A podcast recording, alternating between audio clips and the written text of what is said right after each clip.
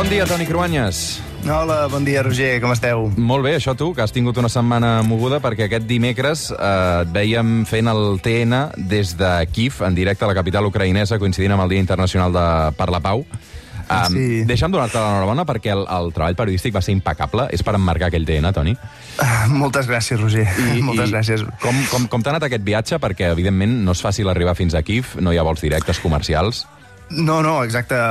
Són moltes hores de tren i les combinacions que calgui, no?, d'avió, però és bàsicament arribar fins a Polònia i després per travessar la frontera són, en principi són 13 hores fins a Kiev, perquè Kiev, si ho mires sobre el mapa, és just a l'altra punta, com que no hi ha, no hi ha trànsit aeri per la guerra, doncs, uh, doncs la veritat és que es fa bastant feixuc, a més a més hi ha contínuament aturades perquè hi ha controls militars, a la, a la tornada, sobretot els homes, contínuament ens anaven mirant els passaports, estan evitant que els, eh, els homes joves amb edat d'anar a l'exèrcit eh, marxin i, i per tant és una situació una mica complicada el moviment. Nosaltres a Kiev és veritat que la guerra sembla que s'hagi aturat fa uns mesos i tothom està a l'espera del que vingui ara, però la guerra està en. Vaja, ja ho vau sentir a través del Manel Elias i el Lluís Quelles que estaven en el front, un costat i a l'altre. La guerra torna una altra vegada, com ens, ja ens imaginàvem i per això volíem fer aquest telenotícies, torna amb l'arribada de l'hivern. Mm. Clar, Toni, a, a més, la, la vostra arribada a Kiev eh, va coincidir amb l'anunci de Putin de mobilitzar aquests 300.000 reservistes i amb l'amenaça d'utilitzar armes militars. Um, la gent està marxant com pot uh, d'Ucraïna, però marxar-ne cada vegada també és molt difícil per, pels ucraïnesos, no?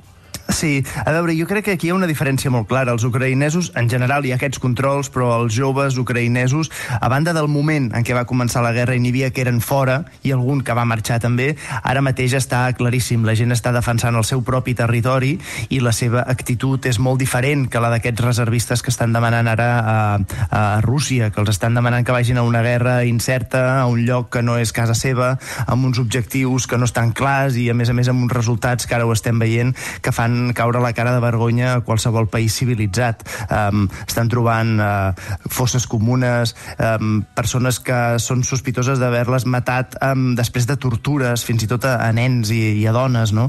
Per tant, anar a un exèrcit que fa aquestes coses uh, no li fa cap il·lusió a ningú. En canvi, en el cas ucraïnès, és veritat que l'aparell propagandístic de Zelensky és molt, és molt fort, és molt potent, és veritat també que han viscut tothom, coneix algú de la seva família que ha mort, o que ha presenciat algun d'aquests bombardejos que hi ha hagut a la zona del nord-est del país i per tant eh, estan molt més concernits i això, i això es nota. De tota manera, en molt pocs dies nosaltres, Roger, vam anar a fer el telenotícies per marcar que volíem recordar que hi havia guerra perquè teníem la sensació que feia mesos que parlàvem de les conseqüències de la guerra econòmiques, però no dels morts, no del que passa sobre el terreny, i volíem marcar-ho.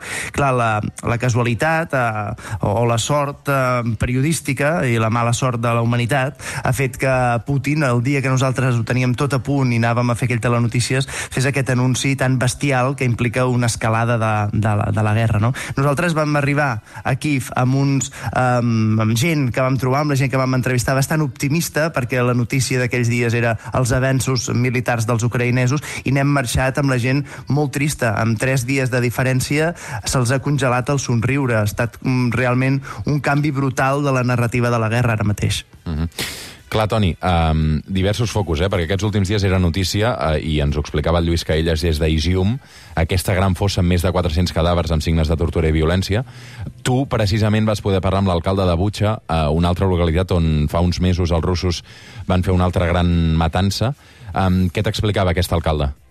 Clar, allà en Lluís està veient com exhumen els cadàvers. Nosaltres vam anar al lloc on això va passar fa sis mesos i ara ve l'hivern, estan reconstruint el que poden, perquè a més allà van passar les tropes russes, com que la gent s'hi va enfrontar, les tropes amb els seus tancs doncs, van començar a disparar a tort i a dret i els edificis estan plens de forats enormes, com de cràters a sobre de les façanes i, a, i al damunt dels terrats de les cases, perquè eh, eh, van fer enfadar els, els russos que no podien passar.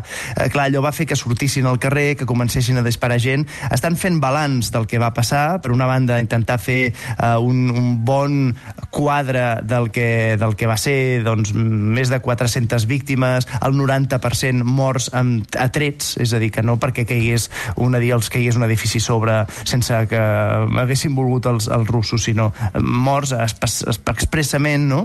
I ells estan convivint amb el record d'això i a la vegada amb la pressa per reconstruir mínimament les cases perquè ja, ja fa fred. Hi han cases que no tenen calefacció, que no tenen gas, que no tenen electricitat, i això ho han de resoldre ja. Per tant, ens vam trobar amb un alcalde eh, païnt el, el dol d'aquesta massacre i a la vegada mm, reconstruint el que pot en el dia a dia. No, no és una situació fàcil. Um, Toni, per acabar ràpidament, uh, va ser fàcil treballar des d'allà com a periodista estranger? Va ser fàcil des del punt de vista tècnic i les facilitats de l'exèrcit uh, ucraïnès, um, més difícil del que em pensava per la, pels impediments. Realment hi ha checkpoints a tot arreu, uh, hi ha dificultats um, de tot tipus, um, però, però sí, sí, va ser fàcil. Fins i tot vam tenir dificultats tècniques per poder enviar les imatges, eh? No, no, no era fàcil, és a dir, que és, realment és un país en guerra i encara que nosaltres vam estar a la part més allunyada ara mateix del, del front de guerra, la guerra es respira a totes les cantonades de les cases. Uh -huh. Toni Cruanyes, moltes, moltes gràcies. Gràcies a vosaltres, una, una abraçada. abraçada. Una abraçada.